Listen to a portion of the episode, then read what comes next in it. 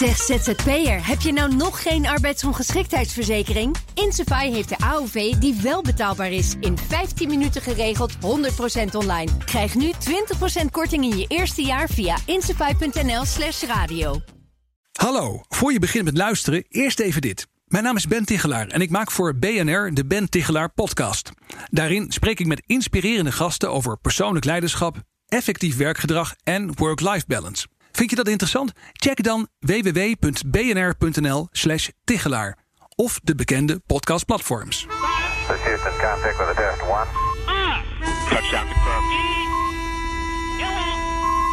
Hartelijk welkom bij Space Cowboys nummer 40. Uh, we zitten met z'n vieren. Luc van der Abelen, Juri Nortier, Thijs Roes en ondergetekende Herbert Blankenstein. En uh, we doen het weer allemaal op afstand. In het coronatijdperk maken we geen gebruik van de BNR Podcast Studio.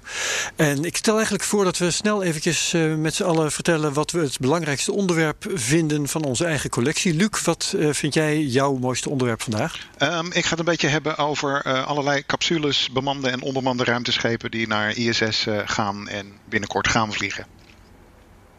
Jurie Nortier? Ja, ik wou het eigenlijk gaan hebben over de enorme slachting die inmiddels uh, plaatsvindt door de coronacrisis. Uh, welke bedrijven er uh, zijn omgevallen en wat er allemaal stil komt te liggen in de komende periode.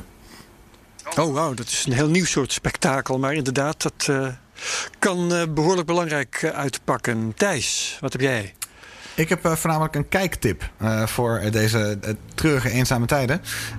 de nieuwe Cosmos is uit. Ooit door Carl Sagan gemaakt, toen door oh. Neil deGrasse Tyson ja. gemaakt. En toen een jaar lang uitgesteld vanwege een MeToo dingetje dat niet waar bleek te zijn. maar hij is nu eindelijk op tv en geruisloos. Precies terwijl corona zeg maar, het nieuws domineerde, precies toen gereleased. Dus ik ga er even over kletsen. Leuk. Uh, en wat ik heb is uh, onder andere een bericht over 139, zegt het ene bericht. Het andere bericht zegt 300 zoveel nieuwe trans-Neptuniaanse objecten die zijn ontdekt bij een um, onderzoek aan de hemel dat eigenlijk ging over dark energy. Dus uh, bijvangst. Trans-Neptuniaans?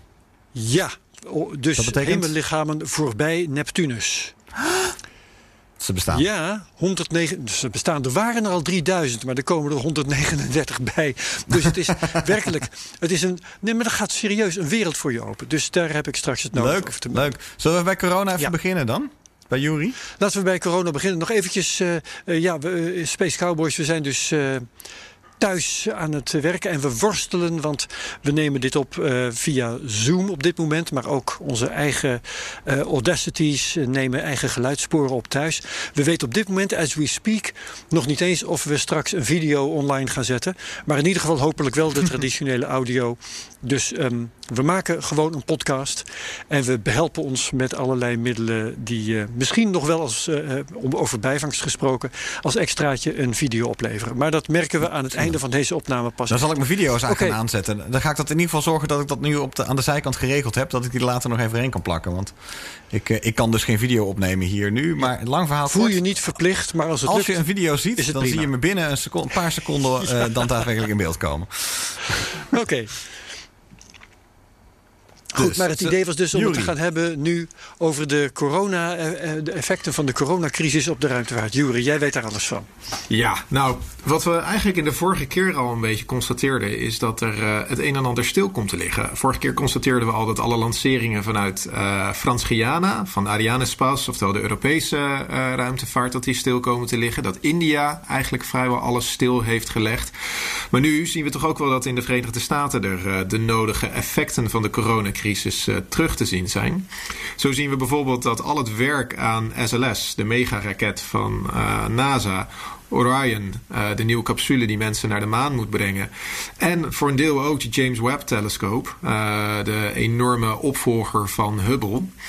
Dat dat allemaal stil is komen te liggen. En dat, nou, dat waren al projecten waar de timeline uh, al heel erg kritiek was. En uh, dit soort zaken gaan er natuurlijk wel ongetwijfeld voor zorgen dat het uh, nog kritieker gaat worden. positief punt is wel is dat de eerste Orion-capsule nu vanuit een testlocatie in Ohio eindelijk op, in, in, Florida is aangekomen. dus we zijn daar weer een stap verder. Maar ja, het werk komt nu gewoon even stil te liggen in deze crisis. En dat is best wel een heftige, een heftige domper voor NASA, die toch al met problemen zat rond timelines. En je noemt de, de, de, webtelescoop. En ik had juist allerlei berichten gezien die memoreerden dat uh, een jaar na nu dat ding zou moeten uh, worden gelanceerd. Maar dat is dus eigenlijk gewoon al verkeken, die kans. Nou, dat wordt nu wel heel erg kritiek. Uh, er waren, het was natuurlijk een, een, een ruimtetelescoop die al tegen de nodige problemen aan was gelopen. Volgens mij was het de bedoeling dat die oorspronkelijk in 2018 gelanceerd moest worden. Nou, uh, we zitten inmiddels in 2020 en 2021 gaat nu ook al een lastiger worden. Dus uh, we zullen het zien. We moeten even kijken hoe lang deze crisis voortduurt en hoe lang uh, ook de Amerikaanse ruimtecentra in lockdown blijven. Dan wordt het ook nog ja. wel interessant met, die, met die James Webb. Als ik me niet vergis, moet die met een Ariane 5 worden gelanceerd. En daar vliegen de laatste exemplaren zo uh, langs mijn hand van. Dus dan moeten ze nog opschieten. Wil die nog met dat ding omhoog, ding kunnen? omhoog kunnen? Ja, want uh, Ariane Spas, uh, de eigenaar eigenlijk van, van, van de Ariane-raketten... die willen natuurlijk in 2021, 2022 de overgang gaan maken naar Ariane 6. Een veel goedkopere raket... waar ze de prijs voor het lanceren van communicatiesatellieten flink mee omlaag willen halen. Dus uh, dat wordt inderdaad haasten. Aan alle kanten wordt het haasten. Nou, daar valt wel nou. uh, bij op dat uh, SpaceX dus knalhard doorwerkt aan, aan, aan, aan, Starship. Um, ja, dat lijkt dus toch de kwalificatie essentiële infrastructuur te hebben gekregen. En zoiets als Orion of SLS moet dat zonder doen. Dat is wel een hele opvallende in deze. Ja, of, of, uh, of negeert um, uh, SpaceX de risico's? Dat zou me ook van, van zo'n bedrijf niet verbazen eigenlijk. Um, ja, dat zou kunnen. Ik heb, ik heb wel van, van andere activiteiten uh, langs zien komen als het inderdaad gaat om het voorbereiden van het lanceren van communicatiesatellieten, dat dat wordt aangemerkt als essentieel. Um, ja, mm -hmm. misschien, misschien dat de controle daar in Boca Chica niet zo heel erg strikt is, ik weet het niet. nee, want het doet me denken aan Amazon. Hè. Amazon heeft intussen ook al diverse coronagevallen gehad in zijn warehouses. Waar ze gewoon iets te lang hebben doorgewerkt of met iets te weinig voorzorgsmaatregelen. En uh, ja, dan denk ik toch. Uh, um, Silicon Valley bedrijven, hè, bedrijven uit die uh, start-up hoek die, die snel zijn gegroeid en een, een, hoop te verliezen hebben inmiddels ook. Dat, ja, die parallel tussen Amazon en SpaceX die zie ik wel. Ja, ja het, uh, nou ja, de Amazon, uh, dat dat doorgaat. Van ja, is het nou echt zo ontzettend belangrijk dat je je laatste boeken en uh, gadgets thuis bezorgd ja, krijgt? Precies. Ja, Oké, okay. um, Jury, nog, nog hier iets aan toe te voegen? Ja, nog twee uh, wat uh, nog ja? minder leuke berichten. Want uh, uitstel is natuurlijk overkomelijk.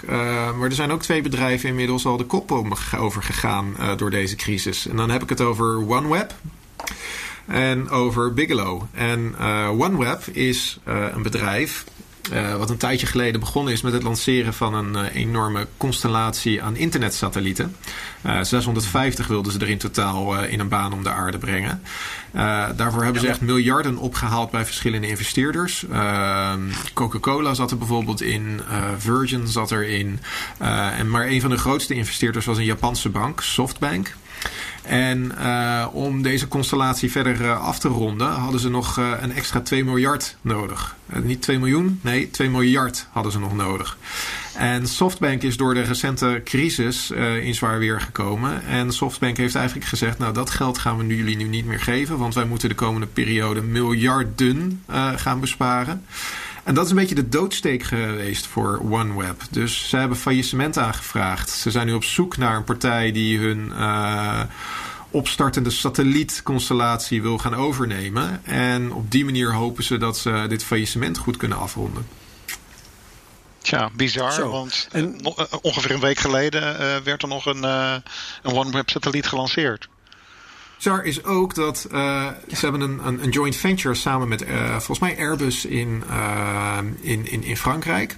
Waarbij ze die 650 satellieten in Florida in een aparte fabriek met een apart sub-BV eigenlijk aan het maken zijn. En dat bedrijfje dat draait gewoon nog door. Dus die satellieten worden op dit moment gewoon nog voor zover dat mogelijk is met de lockdown, verder gemaakt. Terwijl het moederbedrijf uh, faillissement heeft aangevraagd.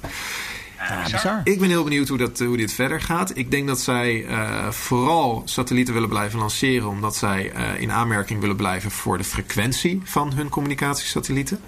Um, Dat is voor hen belangrijk, want dat maakt ze ook een stuk interessanter uiteindelijk om uh, overgekocht te worden. En wie ze gaat overkopen, ja, dat is nog maar even de vraag. Ja, wie zijn de kandidaten? Ik wil zeggen. Wie weet is SpaceX uh, met Starlink geïnteresseerd? Wie weet is Amazon met hun uh, Kuipersplan geïnteresseerd? Amazon wil ook een enorme constellatie aan satellieten voor internet in de ruimte brengen. En wie weet dat er nog ergens ja. in andere landen geïnteresseerden zijn. Maar ze hebben in ieder geval hun satellieten ehm, bedrijfje in de verkoop gedaan. En uh, we zullen wel zien wie er geïnteresseerd zijn.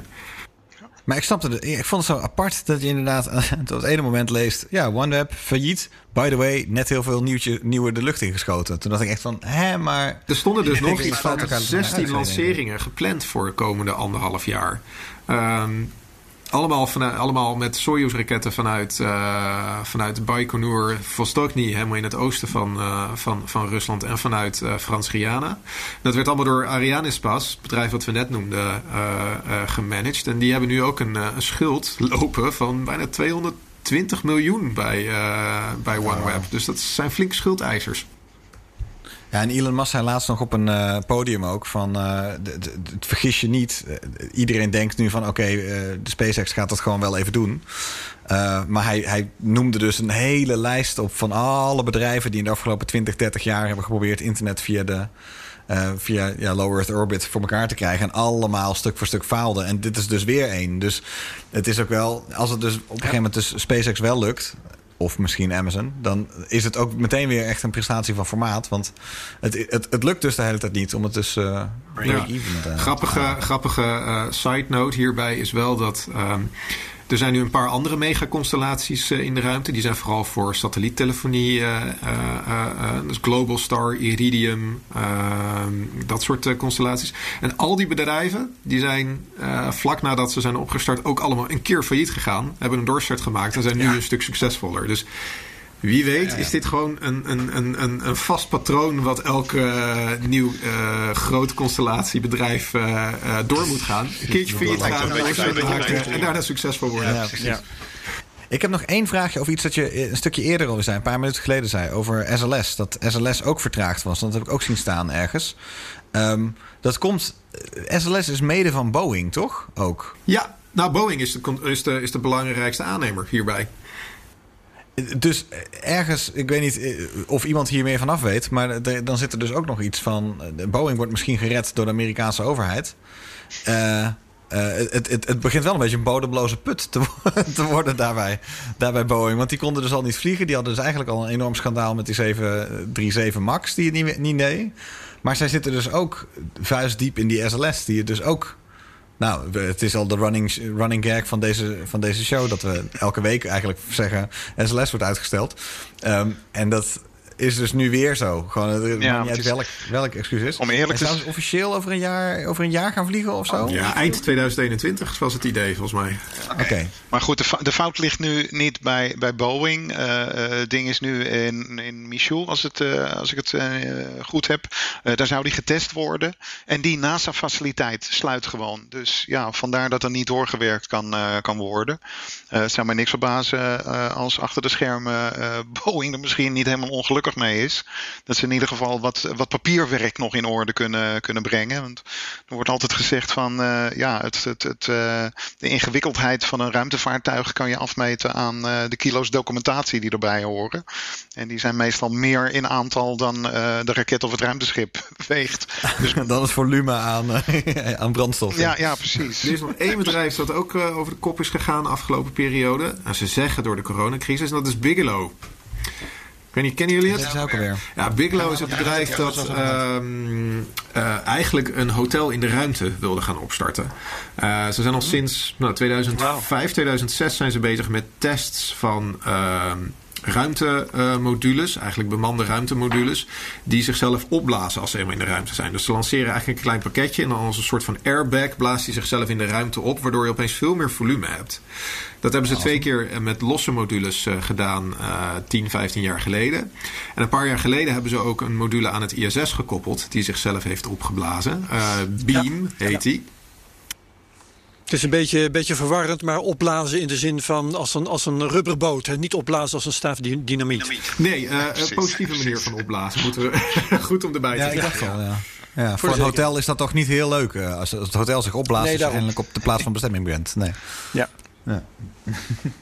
Nou, nou vond ik wel dat het de ontwikkelingen eh, heel erg langzaam eh, gingen eh, de laatste tijd. Eh, er waren, er waren, nou ja, Beam inderdaad, dat, die deployable structure die nog steeds aan ISS vast zit, was succesvol. En in, die- in die tijd werd er heel veel gesproken over die plannen, die grote bemanbare modules. Inderdaad, het hotel. Ik, ik kreeg de indruk dat eh, eh, ehm, het plan was om met de Boeing-capsule, de Starliner, daar naartoe te gaan, te gaan vliegen. Dat was zo'n zo'n beetje een twee-eenheid geworden. En ja, het, het is nu ineens heel heftig eh, eh, weg. En ehm, het zou me niks verbazen als daar toch net iets meer eh, achter, eh, achter zit dan alleen maar corona. Dat was wel eh, heel erg stilletjes. Misschien is het een goed excuus, hè? Ik denk dat zij ook zijn ingehaald door eh, Axiom. eh, die recentelijk ook in het nieuws zijn eh, gekomen. Die wel een concreet plan hebben opgestart om eh, echt een, een aparte, apart segment eigenlijk aan het ISS te koppelen. Speciaal voor ruimtetoerisme. Die ook concrete contracten nu met SpaceX hebben om via de Dragon-capsule eh, toeristische ruimtevaart uit te voeren. Die zijn een stuk verder al hierin. En die zijn ook een stuk concreter al. Eh, je zou bijna kunnen zeggen dat ze binnenkort wel de eerste eh, vaste contracten met eh, toeristen gaan, gaan onthullen. Dus misschien dat dat ook een beetje mee heeft gespeeld bij de beslissing om, om toch alle activiteiten te staken bij Bigelow. Ja, zou zomaar kunnen. Zullen we naar het volgende onderwerp gaan? Ja. Ja. Luc, Nou, Ja, oké. SpaceX geloof ik, hè? Eh, onder andere, SpaceX. nou, ik heb een, een, een hele lijst eh, van, eh, van ruimtevaartuigen die de, eh, die de lucht in gaan. En ehm eh, vele zijn, eh, zijn bemand, eh, sommige niet. Maar eh, nou, ik ga, het, ik ga het lijstje eventjes doornemen. eh, wat, wat, wat voor een lijstje is het? Ehm, Eh, de, de wat, wat Soyuz, bindt ze samen? eh, de ehm, eh, Soyuz, Crew Dragon, Starliner, ehm, eh, SpaceX eh, met zijn plannen voor de Dragon XL. Eh, een, beetje, Oh, ja. een beetje als reactie daarop uh, JAXA. Maar wat met, ze gemeen hebben is dat ze omhoog gaan. Hè? Dat is, Nou, eh, precies. binnenkort Dat is in feite Binnen- gewoon een meeste, korte lanceeroverzicht. ja, meeste Ja, ja, gaat naar. ISS, eh, eh, inderdaad. Nou, de, de, de, de enige die we, die we echt eh, qua bemande vluchten die we heel zeker weten, is eh, de eerstvolgende eh, vlucht van een eh Soyuz.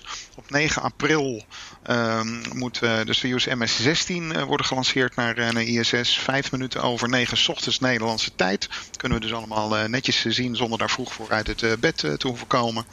En de bemanning bestaat uit twee Russen, Ivanishin en Wagner. En de ehm, Amerikaanse astronaut Cassidy. Ze gaan snel naar het station toe. Ze maken vier rondjes om de aarde. En zes uur later moeten ze al, al koppelen met het station. Blijven 195 dagen daarboven. Daarna wordt het een beetje afwachten wie eh, als de eerstvolgende gaat, eh, gaat vliegen. In principe staat eh, de Crew Dragon voor de tweede helft van mei eh, um, op de rol. Met astronauten Hurley en Benken. Het grappige is dat Hurley op STS 135 uh, vloog. De allerlaatste Space Shuttle. Dus hij zou uh, de laatste van het ene systeem en de eerste van het volgende systeem uh, meemaken. Maar kort geleden is er um, een van de laatste parachute-tests die uh, SpaceX met Crew Dragon wilde doen, um, is fout gegaan. Niet dat de parachutes niet open gingen of zo. Er ging iets mis op het moment dat de capsule onder een helikopter hing. Het ding begon uh, vervaarlijk te zwaaien, waardoor de piloot heeft besloten om um, zeg maar de touwen door te snijden en de hele test te schrappen. Uh, helaas is die testcapsule daarbij verloren gegaan. Het is nog niet duidelijk wat de impact op het verdere testschedule zal, zal zijn. Daarmee blijft het ook een klein beetje onzeker of die Crew Dragon inderdaad in de tweede helft mei gaat vliegen. Dan komen we bij Starliner. De Boeing-capsule. Uh, nou, daar weten we natuurlijk ook alles, alles van wat daar fout is gegaan bij de uh, onbemande testvlucht naar het, naar het station. Uh, hij was ontploft. Um, nou, hij is, hij is, niet ontploft, maar um, er, er, ging van alles fout met de, met de timer aan boord van het ruimtevaartuig. Uh, waardoor hij in een compleet verkeerde positie uh, enorm met de standregelingsraketjes begon uh, te vuren. En die niet meer naar het International Space Station kon vliegen. Wat zo ongeveer hij is aangekomen? Uh, nee, hij is daar nooit aangekomen. Hij heeft een paar ja. dagen rondjes om de, om de aarde uh, gemaakt. Uh, toen is er, bleek achteraf, ook bij de terugkeer nog het een en ander fout gegaan. Op het laatste moment konden de computertechnici ingrijpen en voorkomen dat zeg maar het motorblok wat werd afgestoten voordat de capsule zou terugkeren in botsing zou komen met, met de capsule. Um, problemen genoeg dus en het is nog niet duidelijk of er nog een herhaling van die vlucht gaat, gaat plaatsvinden. Uh, NASA is daar heel schemerig over of ze heel erg gaan vasthouden aan die eis van we moeten uh, een koppeling met het station getest hebben. Um, dus misschien dat um, de eerstvolgende testvlucht inderdaad direct de bemande uh, vlucht is. Um, die staat nu voor eind augustus in, in de boeken. die gaat met drie astronauten vliegen. Ver, Vinken, Ferguson en Mann, drie NASA-astronauten. Waar mm -hmm. ook Ferguson weer opvalt, omdat hij de commandant was van STS uh, 135, die laatste uh, shuttlevlucht. Hm. Um, nou, dat zijn eventjes uh, um, de bemande dingetjes voor de, voor de korte termijn. Dan is um, SpaceX ook nog gekomen met een geheel nieuw ding. De Dragon XL. Um, ja, de Dragon XL, daar las ik ook iets over. Ja, nou, dat, is, dat, is, lijkt er dan op Dragon, van... Uh, wat is de Dragon XL? Ja, precies. Nou, de Dragon um, uh, kennen we in... Uh, um, in twee uitvoeringen tot nu toe. Uh, inmiddels zijn er al uh, een hele stapel van die onbemande capsules naar het Space Station gevlogen om daar vracht aan te voeren, experimenten, maar zelfs ook wel schoon ondergoed en verse boterhammen. Um, het opvallende daarbij was altijd wow. dat hij uh, uh, een terugkeercapsule had. Dus er kan ook bijvoorbeeld uh, experimentmateriaal terug worden gebracht naar, naar de aarde die, die kwam heel goed getimed, omdat op het moment dat uh, de Dragon ging uh, vliegen, uh, de Space Shuttle juist uit de vaart werd genomen. Die natuurlijk een hele enorme grote capability had om spulletjes terug te halen. Um, nou, het opvallende is bij dit nieuwe ontwerp, die Dragon XL, dat hij niet zo'n capsule heeft. Het is gewoon een groot vrachtvaartuig die um, uh, spulletjes uh, uh, moet gaan lanceren. En dan in dit geval niet naar International Space Station, maar naar de Gateway. Het kleine ruimtestation wat NASA nog steeds wil gaan bouwen. En wat onderdeel moet gaan worden van de Artemis-missies naar, naar de maan. Ja, dat vond ik dus apart. Want er was, werd dus eigenlijk al een capsule werd, wordt ontworpen voor dus uh, het sturen naar die module die nog om de maan heen moet Precies, komen. inderdaad. Zijn ze dan blijkbaar al zover met, met de ontwikkeling daarvan? Nou, het verraste mij ook uh, enorm. Uh, ten eerste duurt het inderdaad nog wel eventjes voordat die gateway er gaat, gaat komen. onlangs is die inderdaad losgelaten als vereist element om de eerste bemande maanlanding in 2024 te gaan uitvoeren. Men zag ook okay. wel dat het allemaal wat lang ging duren en het allemaal wel erg ingewikkeld werd. Um, dus ze zijn er inderdaad heel vroeg bij. En wat ik eigenlijk nog opvallender vond, is dat SpaceX nu ineens uh, uh, met een totaal nieuw ontwerp uh, komt. Terwijl er al iets vergelijkbaars is, wat regelmatig naar Space Station heeft gevlogen, namelijk de, de Cygnus van Northrop Grumman. die heeft al negen vluchten okay. gedaan en. Um, ja, die was eigenlijk perfect uh, uh, op maat voor een missie zoals, uh, zoals deze. Dus ja, een hele, een hele grappige. Um, Oké, okay. en, en, even voor mijn begrip ook, want ik haal die drag, al die capsules altijd enorm door elkaar. Um, die Dragon. Er was, een, er was een reguliere Dragon, een Crew Dragon, waar mensen in konden. Ja. Voor bemande vluchten. Daar ging op een gegeven moment volgens mij iets mis mee. En dan was er een Cargo Dragon, en die wordt over het algemeen wel uh, goed al gebruikt naar ISS. Ik zie ja. Jury knikken. Ja. Dat, dat, dat, dan had ik het goed. Jazeker. Ja, en nu komt, ja. ja, en nu komt er, en nu komt, ja, Jury, en, en, en nu komt er dus een, nu komt er dus een Dragon XL, bedoeld voor bemand weer.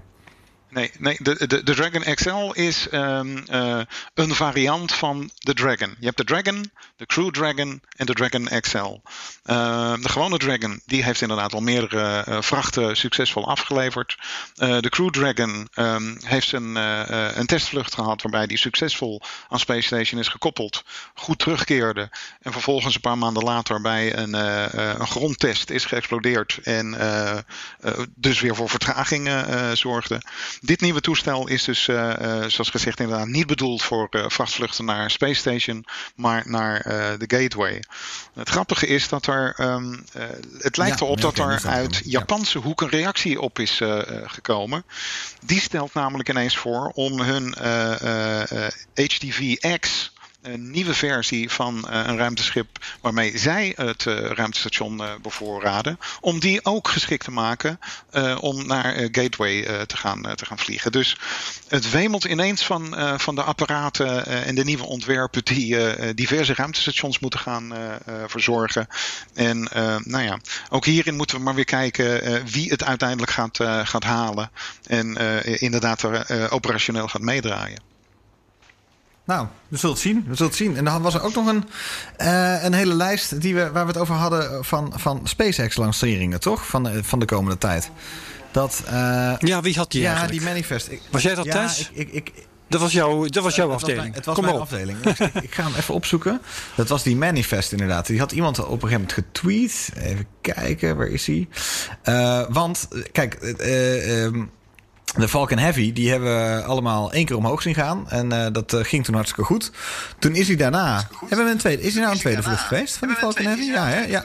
Zijn er drie geweest in totaal. Ja, ja. maar, was er toen niet iets dat misging of zo? Die, die eerste keer blijven we blijven nog steeds bij als, als de... Eigenlijk de meest succesvolle. Nou, meestal gaat het met een van de drie boosters. Een van de drie boosters is, uh, is meestal uh, in de problemen als die Ja, ja, oké. Okay. Dus, uh, ja, ja. Dat ja, ging er mis. Nou, voor de rest, de drie lanceringen zijn voor de rest ja, Toch wel, ja. Dus ik zit eigenlijk te wachten van, nou, wanneer komen nu die, uh, die nieuwe Falcon Heavies, uh, wanneer gaan die nu de lucht in? Uh, en toen opeens uh, was Michael Baylor van Next Space Flight, die trouwens ook een ontzettend leuke app heeft, die elke keer uh, een notification stuurt als er, als er ergens een raket omhoog gaat. Dan kan je live ook intunen van Next Space Flight. Die zet op zijn Twitter opeens dat er dus een, een, een nieuw manifest was van de Falcon Heavy. Oftewel, wanneer ze gaan gelanceerd gaan worden. Jongens, schrijf het op in jullie agenda. Um, er komt er, even kijken, drie staan er voor dit jaar. GLS 1 en GLS 2 en dan nog iets van de US Air Force, denk ik. Space Force. Oh, dat is het. Ik denk al van, wat is die, betekent die afkorting? USSF. Dat is, gesproken is het USAF, maar tegenwoordig is het de Space Force. Uh, USSF 44, US Space Force ja. 44 missie. Uh, die komt eind dit jaar. En die GLS. Als ik daar eventjes heel kort op mag maar inhaken, natuurlijk, Thijs. Uh, we, hebben in de, we hebben in de Technoloog uh, kort geleden een uh, lang vraaggesprek gehad met Patrick Bolder van het The Hague Center for Strategic Studies. In elk geval, die is luitenant-kolonel in bij de luchtmacht, als ik me niet cool. vergis. Um, met hem hebben we uitge uitgebreid gesproken over die Space Force en wat daar de zin van is en hoe ver ze daarmee zijn enzovoort. Dus nu die hier zo ter sprake komt, dacht ik even, oh, zoek bij oh, BNR op de technoloog Patrick Bolder, Space Force, dan vind je die podcast. Oh, Herbert, ik dacht je wil even inhoudelijk inhaken, maar je wilde gewoon even je show pluggen. Dat was gewoon nee. het. Uh, ah, ja, ja, ja, ja dat, dat, nou, ik denk de, de luisteraars een dienst bewijzen. Oh, oké, oké, oké. Nee, tuurlijk, tuurlijk. nee, heel goed.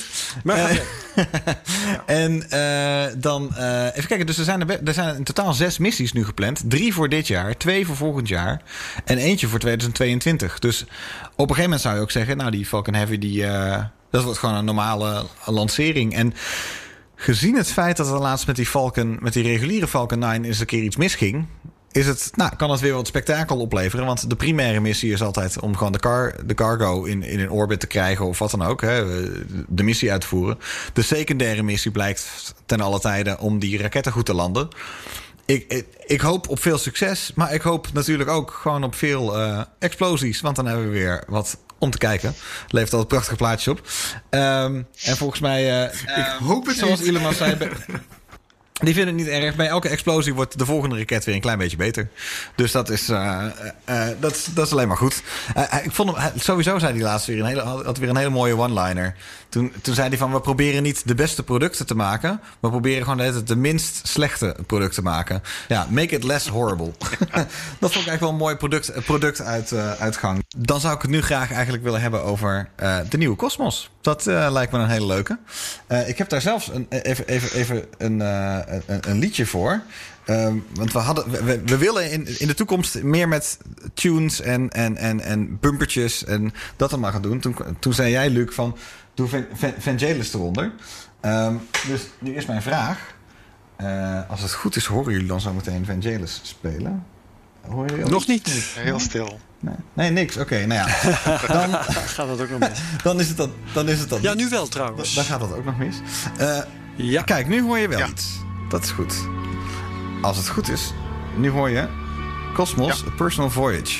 Dat is de serie uit de jaren 80. Goede herinnering uh, aan. Ja. Van Carl Sagan. Goeie, ik heb ook zeer goede herinneringen aan. Ik heb, ik heb het verslonden, die, uh, die afleveringen.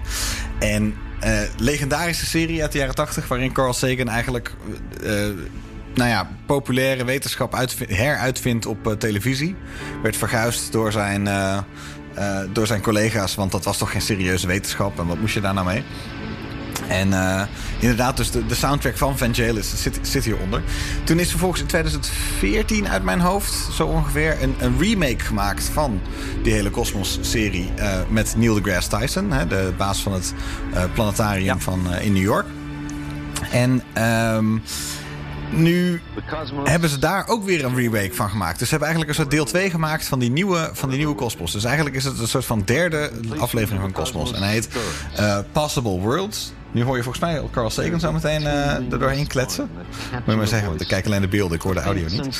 Um, en daar, eh, ik heb een paar afleveringen kunnen kijken. Het is op National Geographic. En het is uh, echt een, een, een, prachtige serie weer geworden. Ik snap hem ietsje minder goed dan de vorige. Want die vorige twee waren eigenlijk heel duidelijk een soort van... oké, stap 1, wat is het universum? Stap 2, wat is leven? Uh, drie, hoe zijn we daar allemaal achter gekomen? Nou, en zo, zo werd je eigenlijk aan de hand meegenomen door uh, de wonderenwereld der wetenschap. Nu is de nieuwste, uh, die heet Cosmos Possible Worlds. Dus mogelijke werelden. En dat, daar nemen ze een beetje een brede interpretatie van. Het, het lijkt, ik heb nu drie afleveringen gekeken en ik vind de, de, de, de, lijn in verhaal soms moeilijk te vinden. Van wat proberen ze me nou precies te vertellen? Maar het komt erop neer dat ze proberen te laten zien wat voor een exoplaneten er wel niet zijn. Hoe onze huidige wereld er wel niet uit zou kunnen zien. Hoe ons, onze wereld er in het verleden uit heeft gezien. En wat ons dat misschien kan vertellen over de toekomst. Um, en, en, en, en komen er wel bepaalde soort van dingen langs die ook in eerdere afleveringen hebben gezeten. En eentje die ik meteen het meest briljant vond, die in de eerste aflevering uh, zat, was dat uh, Neil deGrasse Tyson terug naar Amsterdam gaat. Net als dat Carl Sagan dat uh, deed. Carl Sagan die had in de jaren tachtig een prachtige aflevering. Mijn allerfavorietste aflevering van Cosmos ooit. Waarbij die Voyager, het, het Voyager ruimtevaartschip, verbindt aan de, um, eigenlijk de ontdekkingslust van de Nederlanders in de 17e eeuw. En dan zie je Carl Sagan. Oh. Ja, dan zie je Carl Sagan zie je in het paleis op de Dam staan. Dat heet tegenwoordig het paleis. Hij haalt er speciaal de Nederlanders. Hij haalt er speciaal de, de, Nederlanders bij. En dat doet dus, en dat doet dus die nieuwe weer.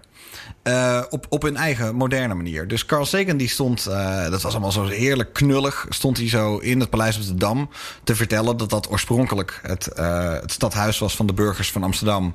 Die eigenlijk zich hadden ontrokken aan tirannen en koningen en keizers van ver. En als burgers zichzelf hadden georganiseerd. En nu de, de wereldzeeën overvoeren. En dus er is een prachtige, in het Paleis de Dam, het, stad, het oude stadhuis, een prachtige wereldkaart te zien van waar die burgers van Amsterdam allemaal niet geweest waren. Dus het, het universum, de kosmos, was van de Amsterdammers zelf. En nu in deze nieuwe uh, aflevering uh, gaat Neil deGrasse Tyson terug naar Amsterdam vertelt datzelfde verhaal. En verbindt het vervolgens aan Constantijn Huygens. Uh, die met zijn, met zijn telescoop de ringen van Saturnus ontdekt. En, ja. en hij verbindt het aan Spinoza. Die voor het eerst zich onttrekt aan eigenlijk eh, het wereldbeeld dat tot dan toe bestaat. Dat God alles heeft gecreëerd. En dat eigenlijk een, een, een select groepje mannen dat vertaalt voor de, voor de, voor de leken. Terwijl Spinoza zegt, nou volgens mij bestaat God in alles, in, uh, in, in de natuur. En zijn er, zijn er stelselmatige wetten der natuur en wiskunde. En als we die leren kennen, leren we meer over de wereld, volgens mij, dan dat we naar deze, dit selecte groepje mannen luisteren. En um, uh, nou ja, Spinoza is natuurlijk ook uh, is een, is een figuur. Hij woonde in Amsterdam, was, was een zoon van vluchtelingen. En er is een waanzinnig prachtige animatie in die eerste, eerste aflevering van Cosmos. Waarin die dus uh, daarnaar, daarnaar teruggaat. En ik, ik, ik zou willen zeggen, ga hem allemaal kijken. Maar welkom in de wondere wereld. Ja. Welkom in de wondere wereld van hoe dat allemaal werkt. Hij wordt dus wel uitgezonden op. Um, horen jullie nu ook als het goed is de nieuwe Cosmos hier onderdoor? Zo langzaam stilletjes. Of niet? Ja, no, nee, hier komt hij. Hier komt hij. Ja. ja, hier komt hij. Ja. Hier komt hij. Dit, dit is de nieuwe. Die is dus niet te kijken. Hij is niet op on-demand te kijken. Niet bij Ziggo. Ik heb zelfs Disney Plus thuis. Uh, National Geographic is van Disney. Daar staat hij niet op. Dus ik betaal zelfs maandelijk iets aan Disney. En nog kan ik hem niet kijken. Hij schijnt over een half jaar herhaald te worden op Fox. Uh, nou, nou, dan kan je hem zien. Dus op dit moment, midden in corona, pompen ze twee afleveringen per week. Pompen ze eruit. Ze zijn nu volgens mij al bij aflevering 8 of 9. Dus na, na drie weken uitzenden. Um, en, en, moet je dus maar hopen dat je hem vindt. En anders is er altijd nog het, de magische wonderenwereld van het internet waar je het ook kan vinden. Maar ja, dan moet je weten waar je moet kijken. Vast wel. Vast wel. Um, uh, ik, ik, kan hem van harte aanraden, want het is werkelijk waar weer een spektakel. Het, gaat, uh, ik zie twee, het begint met twee zwarte gaten die ook met op elkaar ploffen. Neil deGrasse Tyson doet het leuk. Ik ben persoonlijk meer fan van Carl Sagan dan van Neil deGrasse Tyson. Hij is, Neil deGrasse Tyson is iets meer gedragen en iets, iets theatraler dan toch de authentieke ja. Carl Sagan. Maar ik ben erg blij dat er nog steeds zulke series worden gemaakt. Uh, zo, zo nu en dan... Ik, ik, ik weet niet, tien jaar geleden was het helemaal nieuw voelend? Waren er niet zoveel series die je meenamen? Nou, in de afgelopen tien jaar was echt een soort gouden tijd voor zulke weten, populair wetenschappelijke series, heb ik het idee. Veel mensen weten nu een beetje ja. hoe de aarde zich verhoudt tot de rest van het heelal.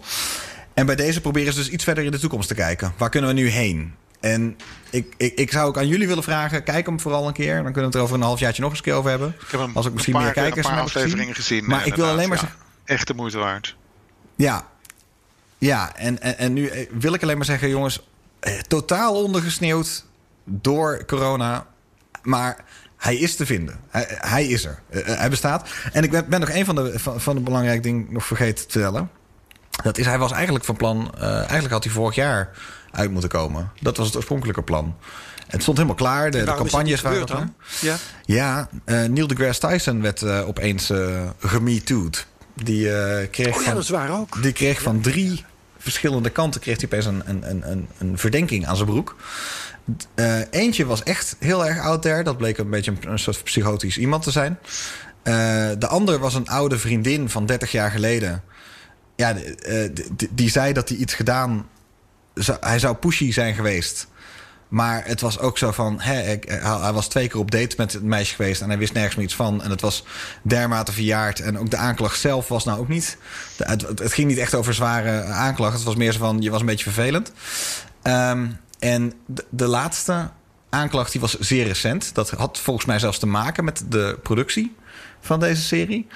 Hij, aan het eind van de productie had iemand uitgenodigd, uh, een dame, uh, om, om het te vieren. Uh, bij, haar, bij hem thuis met een fles wijn. En hij was te charming. En zij voelde zich een beetje in een, in een bepaalde hoek gedrukt. En vond, vond het oncomfortabel, want ze waren collega's en niet vrienden of zo. Maar hij had het meer als vriendschappelijk gezien.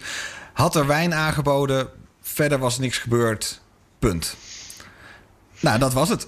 en dus vervolgens kwam, er, ja, vervolgens kwam er een. Nee, er, wilde maar niet echt een schandaal uitkomen. Toen heeft uh, Net Geo heeft toch gezegd van... nou ja, we, we schuiven het op de lange baan en we, we stellen het uit en dat allemaal. Neil deGrasse Tyson verdween van de aardbodem voor een jaar. Want die, uh, uh, ja, die, die had opeens een Me Too aan zijn, aan zijn broek hangen. En hij is volgens mij de, de enige uh, die ergens echt officieel van beschuldigd is... Die, die er zonder kleerscheuren uiteindelijk vanaf is gekomen. Omdat ja, inhoudelijk het allemaal geen stand hield. Het was gewoon, ja, je weet nooit hoe mensen in een intieme setting precies met elkaar omgaan. Daar waren we allemaal niet bij. Maar dat er dus uiteindelijk niks grensoverschrijdends heeft plaatsgevonden. Hij, zijn serie is uitgekomen. Hij zit weer bij de talkshow-programma's. Hij, hij, hij heeft een boek geschreven. Dus volgens, mij, Ja, ja, ja, ja. volgens mij is hij er als eerste zonder kleerscheuren vanaf gekomen. En is nu eindelijk die serie te zien. Maar is hij dus een beetje in het water gevallen door het wereldnieuws. Dus ehm, Ja. wij als aan de fans. andere kant, Ja. eh, juist in deze tijden zijn dit eh, heerlijke dingen om je in, eh, in te verliezen. En eh, het is ook wel eens eh, fijn om het een avondje niet over corona eh, te hebben. Want het is best moeilijk te vinden eh, Ja. dag. Ja, klopt. En vrienden van mij, ik zat in een enorme Zoom-party dit, eh, dit weekend. En toen was de laatste vraag van... Oh, oh, oh, heeft, heeft iemand nog iets te kijken? Kunnen we nog even tips uitwisselen? En toen bleek uiteindelijk dat deze Cosmos, die, waar ik mee kwam... Ik zei ja, de nieuwe Cosmos is uit. Daar was iedereen het meest enthousiast over. Want eigenlijk al het andere had iedereen al stuk gekeken. Dus eh, ik denk dat het is inderdaad wel welkom, ja. Dus eh, doe je je voordeel mee. Heel mooi. Oké, eh, zal ik mijn emmertje even omkeren? Ja, ik, keer je emmertje even om. Ga ik eens kijken of er bij, mij beneden in, de, beneden in de bodem... misschien nog een klein dingetje zit. Dat, Ja. Herbert, wat heb je? Nou ehm, ik had dus die 139 nieuwe objecten voorbij Neptunus. Ja. Ehm, ik heb het voor een deel al verteld. Eh, er ehm, was een survey gaande naar Dark Energy. Eh, ze hadden 5000 vierkante graden, als je je daar een voorstelling van kunt maken. Aan de hemel eh, zouden ze gaan nakijken op Dark Energy. Ik weet eigenlijk niet eens precies hoe ze dat doen. 5000 Omdat het bericht vierkante vond- graden. Ja, weet je wat een graad is? Een, een, een graad van, van een boog, zeg maar. Ja, net als 360 De- de- graden. Ja, 1 graad van, van, eh, van de 90, zeg maar, van de rechte hoek. ja die snap ik. als, je, als, je, nou ja, als je naar boven kijkt, dan eh, kun je één zo'n graad kun je op de hemel afpassen. En doe je loodrecht daarop ook een graad, dan heb je een vierkante graad. Ja. Ah, aha. Heb je daar een voorstelling van? Ik snap Dat hem. kan. En hoeveel dan, zeiden ze ook weer? Vij- 5000 5000. vierkante graden. En, Aha, ja, en ja, wat ik nou ik niet hem. weet, en dat kan ik ook een beetje moeilijk uit mijn hoofd uitrekenen. Misschien weet Jury of Luc dat. Hoeveel vierkante graden de hele hemelbol eigenlijk beslaat. In het rond is het 360 graden. Maar hoeveel vierkante graden heeft de hele hemel eh, eigenlijk aan zijn broek? Is het dan Ik heb 360 geen keer 360? Of ben ik dan heel Dus- dom? Maar, maar ik, eh, nee, dat is het dus zeker niet. Want we hebben het over een bol en niet Dat over is een een bol? Shit. Ja, hoe, hoe, hoe breek je de oppervlakte Dat van is een bol? te lang geleden. Nee, dat weet ik niet meer. Nou ja, de oppervlakte van de bol, dat weet ik dan toevallig wel. Dat is Nou ja, een kom maar. kwadraat. Dat is hem. Ja. Pi r kwadraat. Maar dat wil niet zeggen dat eh, een bol 4. Wat is het dat Nee. een bol 4.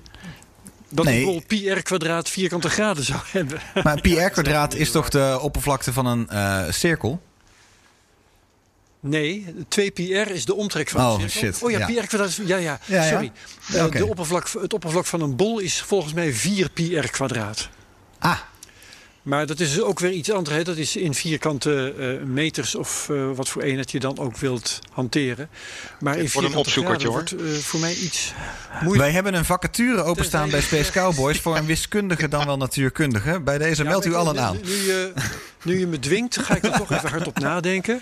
Want een, ehm, een eh, eh, cirkel bestaat uit 360 graden. Ja.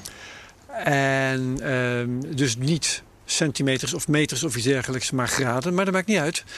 Ehm, de oppervlakte van een cirkel is pi r kwadraat, ook weer in meters enzovoort. Oppervlakte van een bol is pi r, 4 pi r kwadraat, zoals ik net zei. Dan zou het dus best kunnen dat een eh, bol 4 pi r kwadraat... vierkante gra- Ik weet het echt niet. Ik Maar bewonder je 5000 poging. We hadden het over Het zijn er in ieder geval 5000. 5000. Ja, ik, ik blijf mijn best doen.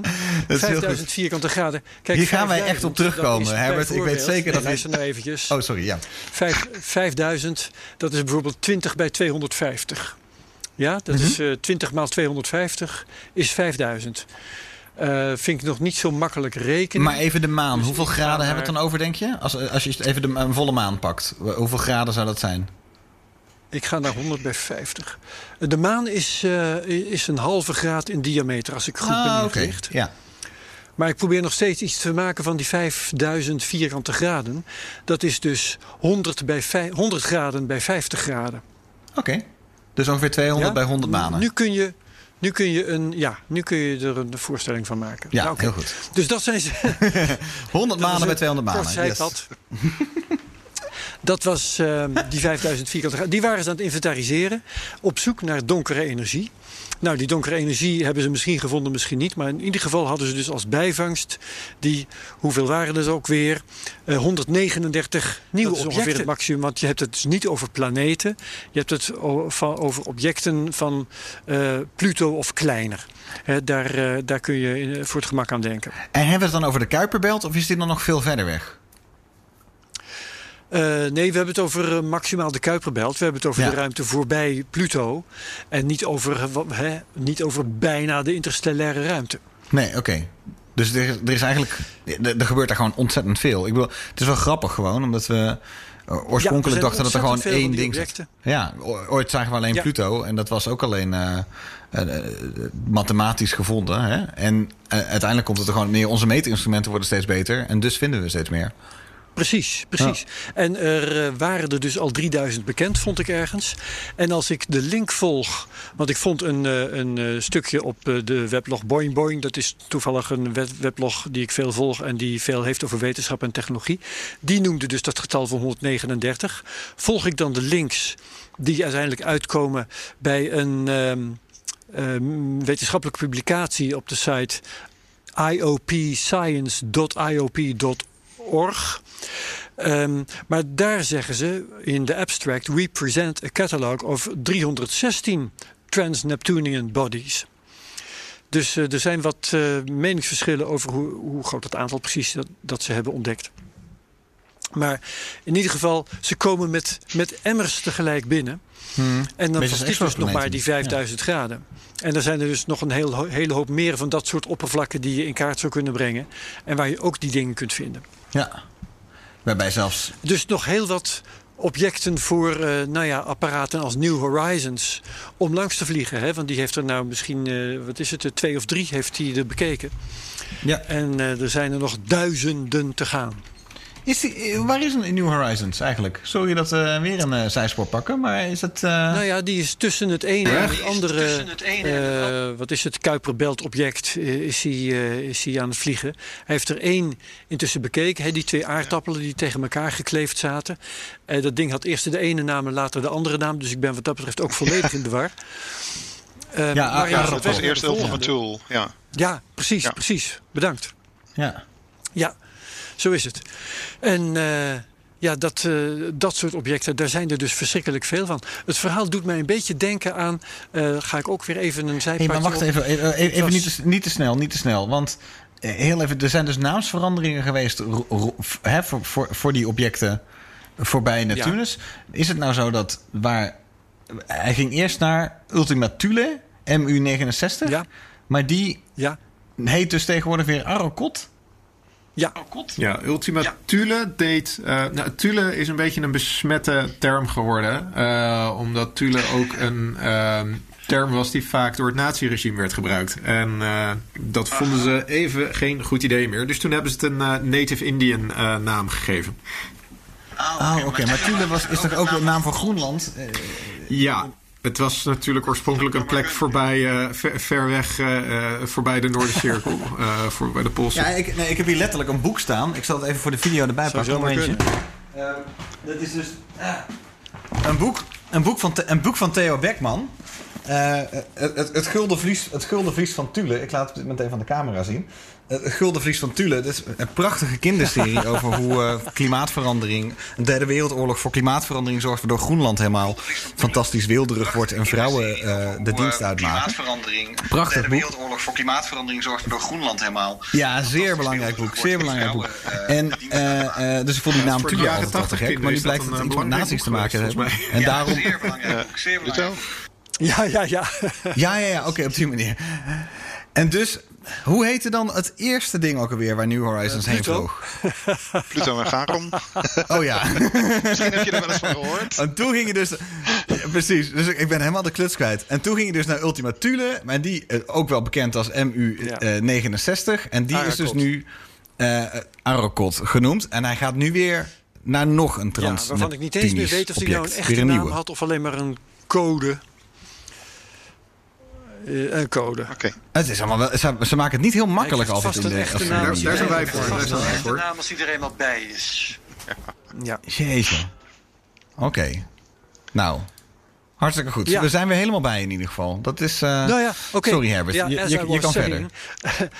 ehm, de, de geschiedenis herhaalt zich een beetje. Want ik herinnerde me toen ik hierover zat na te denken... dat toen ik een schooljongen was... praten we over de 60s, jongens. ehm, eh, toen heb ik nog geleerd dat Jupiter 12 manen had. En Saturnus 10 Ja, of zoiets. wisten wij In- die, eh, Ja. in, die, in, die, in dat bolpark. En eh, intussen, ik weet niet hoeveel het er zijn, maar het eh, verandert natuurlijk met de dag het aantal manen van Jupiter. En zo heb ik ook geleerd dat er negen planeten waren. En dat leek het wel zo'n beetje te zijn. Ja. En eh, tegenwoordig weten we dus dat er wolken en wolken van die dingen rondvliegen tussen, nou ja, natuurlijk tussen Mars en Jupiter, dat spreekt vanzelf, maar ook voorbij Neptunus en Pluto. Dat er daar een drukte is van belang en dat er nog zo ontzettend veel te ontdekken over is. Gelukkig wel. Ja. En dat brengt generaties moeten tenslotte andere- ook wat te doen hebben. Ja, zo is het. Dat brengt op de andere dingen die ik nog even had liggen. En daar zal ik kort over zijn hoor. Maar we hebben het eh, in de eerdere Space Cowboys, toen we het allemaal nog in het Engels deden. We hebben het uitvoerig gehad over Bennu, waar Osiris Rex op bezoek was. En we hebben het gehad over Ryugu, waar eh, Hayabusa 2 aan het rondvliegen was en aan het rondneuzen was. En over allebei zijn eh, sinds kort publicaties verschenen.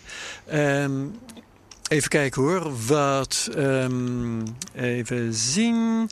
Eh, over Hayabusa 2. Eh, die is aan het schieten geweest. En enfin, we, we knallen dat in de show notes. Dat is waarschijnlijk de handigste manier om het er nu over te hebben. Want ik schoot er iets in en dan kwam er vervolgens een verpulvering kwam er omhoog en die heeft hij geanalyseerd. Nee, die heeft hij meegenomen. Hij heeft hem meegenomen en die komt deze kant op. Eind dit jaar eh, k- eh, moet de capsule ergens in Australië landen. Awesome. Precies, die komt, eh, die komt terug. En wat Bennu betreft, ehm, daar is eh, eh, een eh, zeer hoge resolutie foto van verschenen. En dat is een bijproduct van eh, dat verblijf van Osiris Rex. Die moest namelijk een goede plek uitzoeken waar die dan zijn eh, kanon op kan richten. Eh, die gaat dan, als ik goed ben geïnformeerd, een, eh, een soort stikstofkanon op een plekje daar ergens op die, eh, op die asteroïde gaat hij richten. En dan gaat hij blazen. En datgene wat daar dan omhoog vliegt, ehm, gaat hij gaat hij, nakijken. En de foto waar, die hij heeft gebruikt om die plek uit te zoeken, die is nu in zijn geheel gepubliceerd. Die kun je dus downloaden en tot in detail bekijken. Het ziet er een beetje uit als een foto van een halfpipe. Hè, door de, ze hebben een soort Mercator-projectie gebruikt. Het is een vierkante foto geworden. En ehm, hij is gemaakt van 2155 foto's die door de primary camera van Osiris Rex eh, zijn gemaakt. 5 centimeter per pixel. Ga je na, moet je nagaan, hè? Zo. Scherp is die. eh, elke pixel eh, stelt 5 centimeter voor op die asteroïde. Laten we dat niet doen. Nee. Dus ik ga nu ook niet uitrekenen hoeveel vierkante pixels dat is, bij wijze van spreken. Want dan, dan beginnen we weer opnieuw.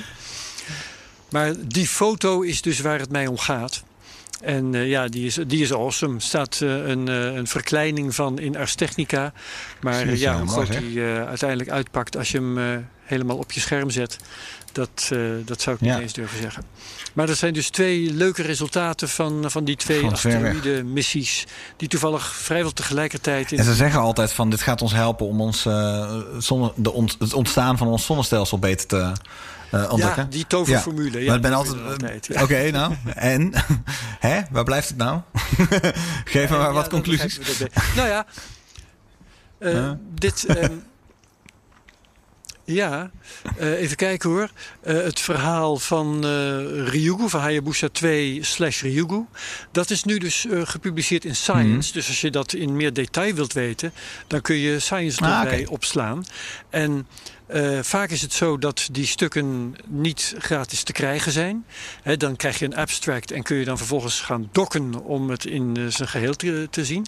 Maar eh, het verhaal in Science kun je in zijn geheel lezen. Dat is, gaat schermen achter elkaar. Oh, wat doen. gaaf. Oké. En ik heb dat zelf dus ook niet helemaal gelezen. Daar was het mij dus even Ja, te kan me veel voor. voorstellen. Maar, Voor liefhebbers.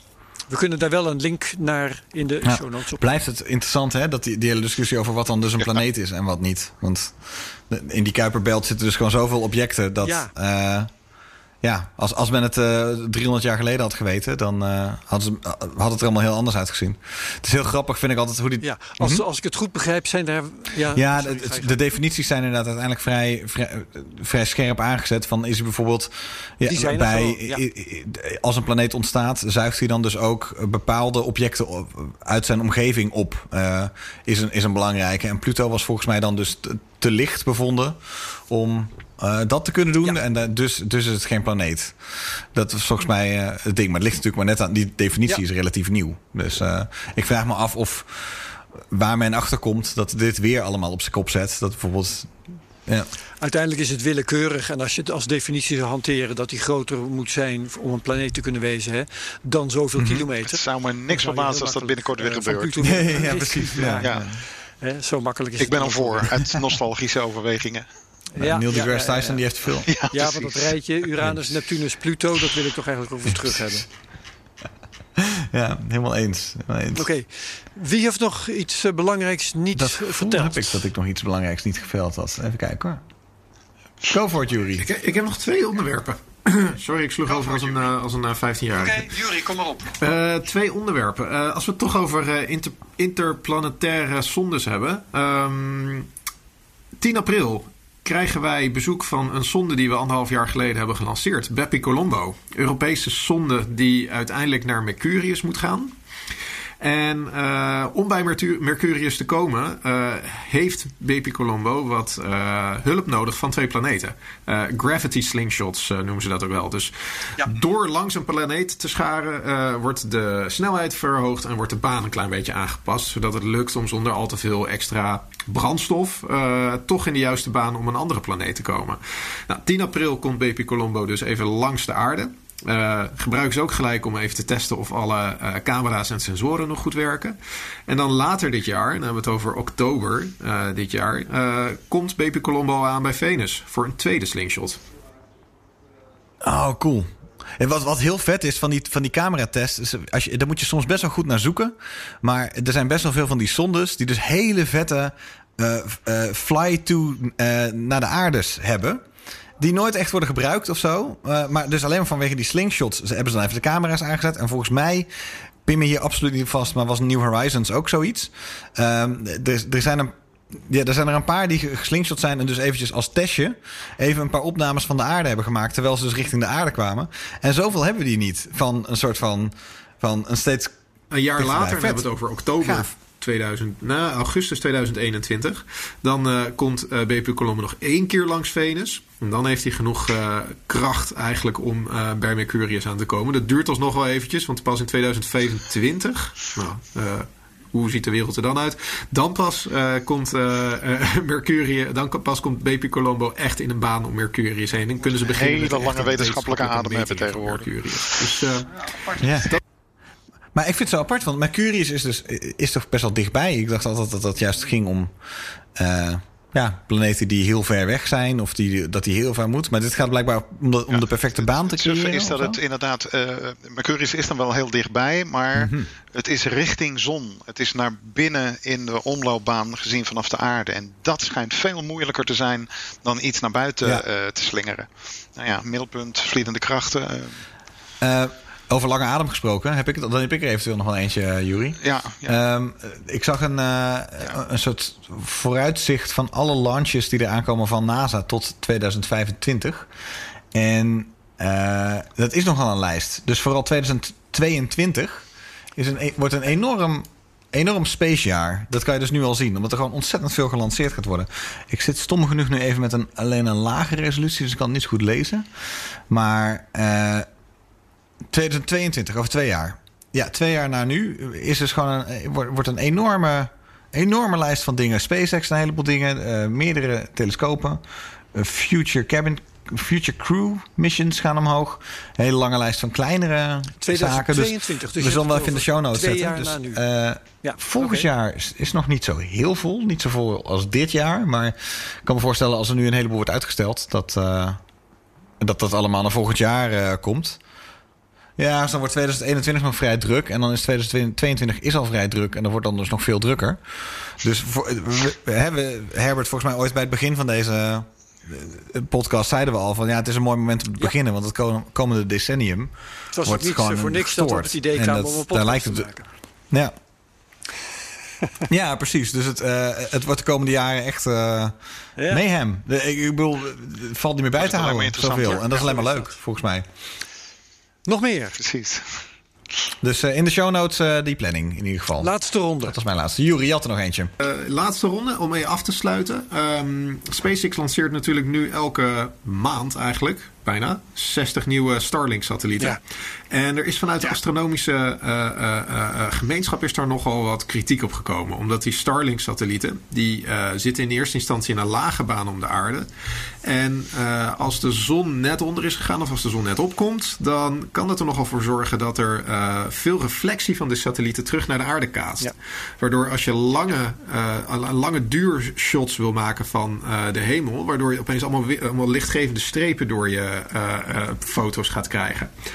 Daar zijn de meeste astronomen niet zo heel erg blij mee. Zeker als er straks 12.500 van die eh, eh, satellieten in een baan om de aarde zitten.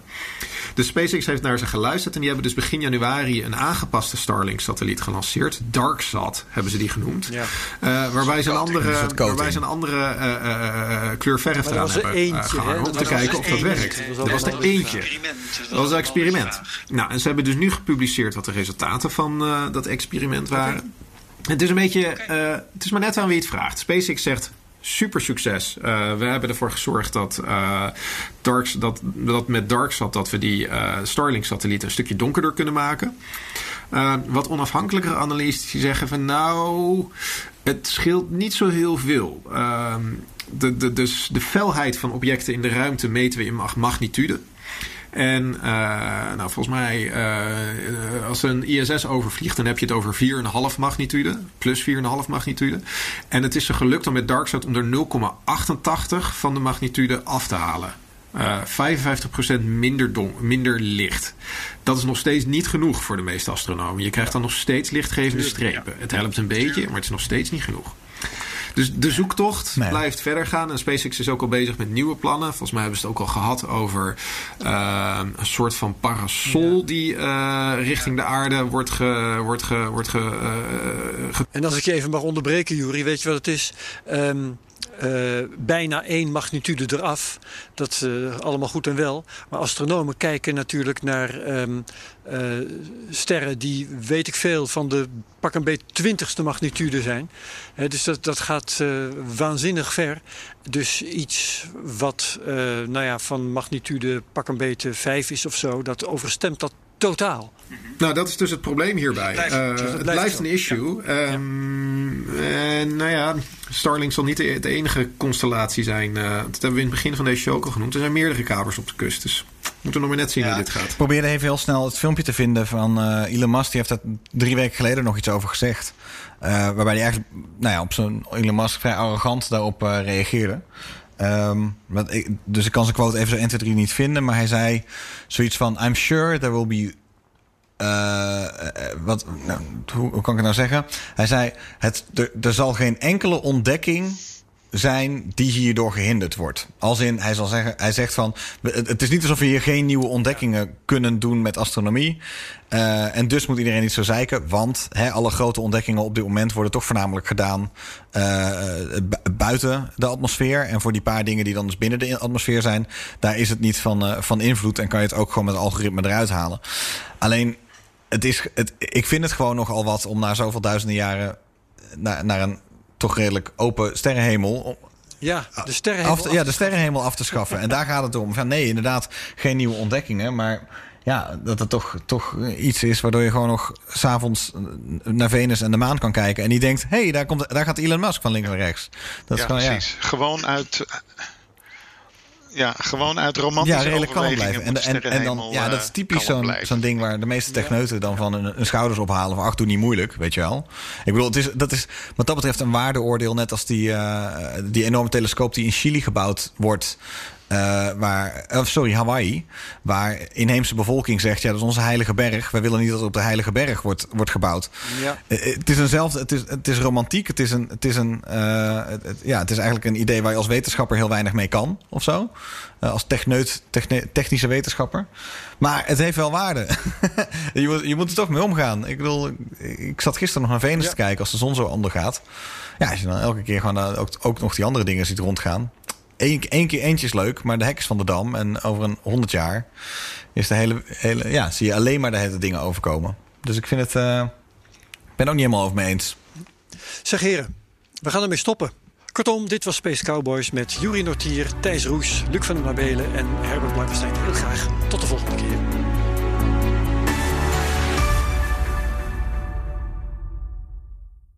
Zeg ZZP'er, heb je nou nog geen arbeidsongeschiktheidsverzekering? Insafai heeft de AOV die wel betaalbaar is. In 15 minuten geregeld, 100% online. Krijg nu 20% korting in je eerste jaar via insafai.nl slash radio.